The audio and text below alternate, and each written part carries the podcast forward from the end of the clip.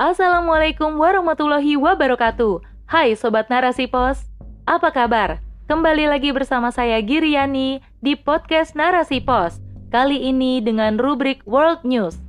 Narasipos.com Cerdas dalam literasi media, bijak menangkap peristiwa kunci. Jalan panjang sekulerisasi sang pionir Arab Spring oleh Iranti Mantasari, BAIR, MSI. If you use religion to engage in political extremism, we will not allow that. Sadik Belaid, Ketua Dewan Penasehat Nasional Tunisia. Kalimat Sadik tersebut cukup menghebohkan Tunisia dan pengamat beberapa waktu terakhir.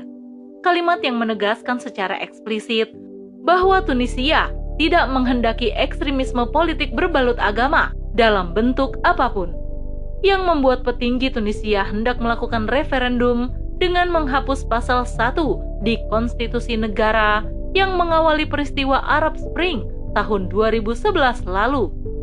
Pasal 1 yang hendak dihapus itu berbunyi, Tunisia adalah negara yang merdeka, independen, dan berdaulat. Islam adalah agamanya, Arab adalah bahasanya, dan sistemnya adalah republik. Keinginan untuk mereferendum konstitusi dan mengaitkan agenda ini sebagai upaya menjaga Tunisia dari ekstremisme politik menandakan bahwa Islam dianggap sebagai cikal bakal ekstremisme tersebut. Sadik yang merupakan guru dari Presiden Tunisia saat ini, Kais Said, bahkan secara jelas menyebut bahwa ia ingin mendepak partai yang bernafaskan Islam seperti Ennahda pemilik kursi terbanyak di parlemen dari perpolitikan Tunisia. Kehebohan dalam tataran pemerintahan ini merembet hingga ke akar rumput yang mendorong rakyat untuk turun ke jalan, menyuarakan ketidaksetujuan mereka terhadap rencana referendum konstitusi tersebut.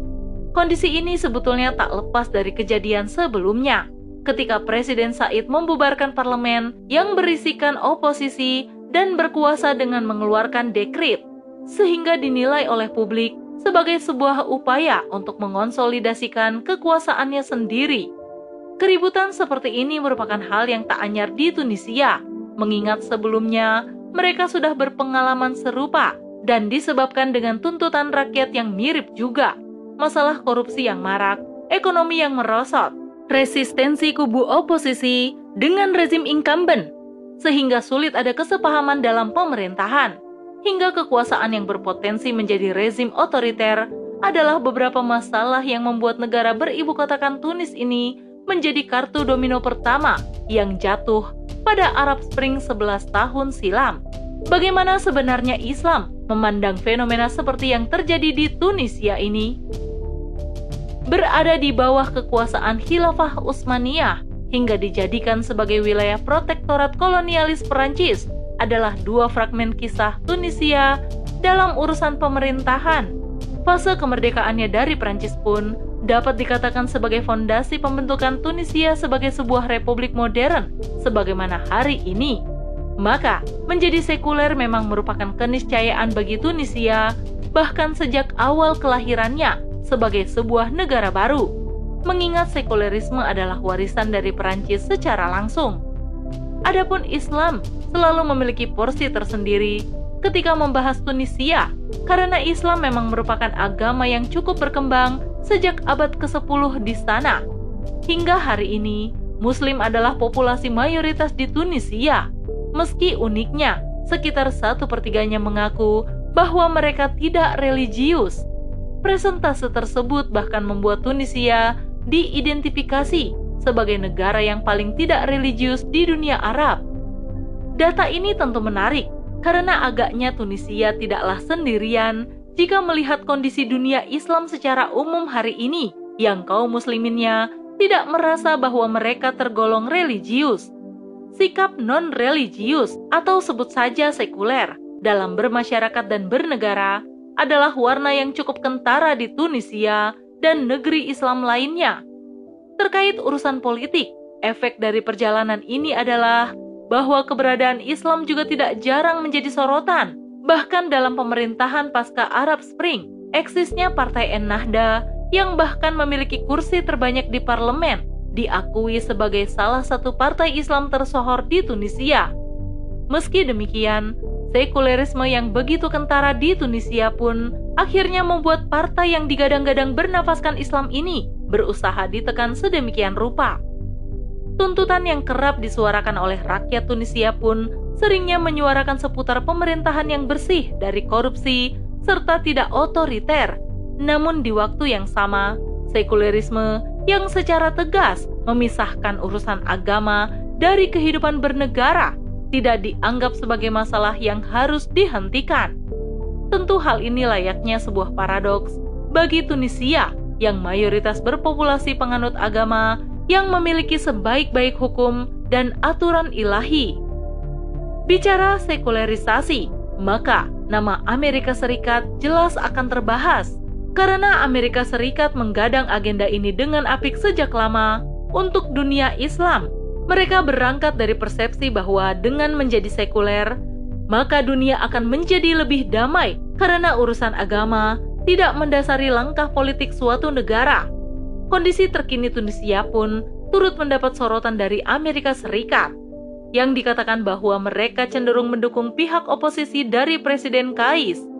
Hal ini dikarenakan menurut Amerika Serikat, Said berkuasa melalui jalan yang tidak demokratis dan berpotensi mengancam kepentingan Amerika Serikat.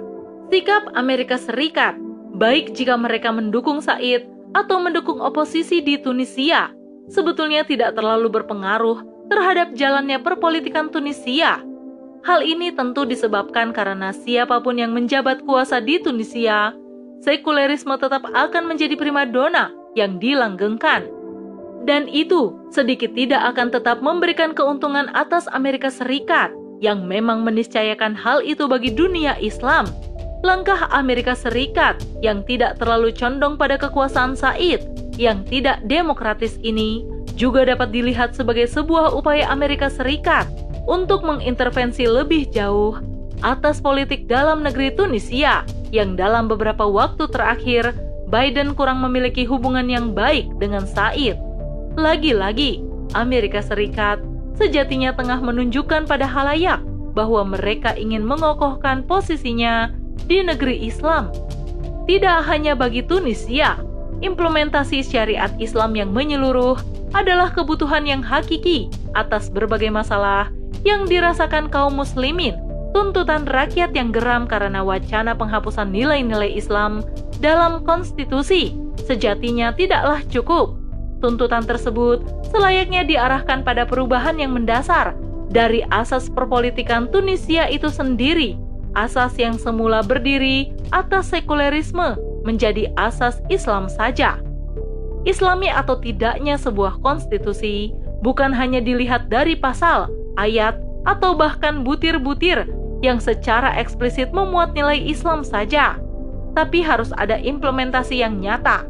Syariat Islam seharusnya tidak hanya dijadikan sebagai esensi dan inspirasi semata, tapi haruslah ada aplikasi real dalam kancah kehidupan.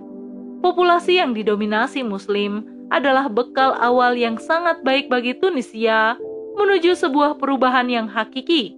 Namun, kuantitas tersebut tidak cukup karena harus disokong oleh kualitas pemikiran dan perasaan yang hanya menjadikan Islam sebagai landasan hidup di dunia, termasuk dalam urusan sosial politik.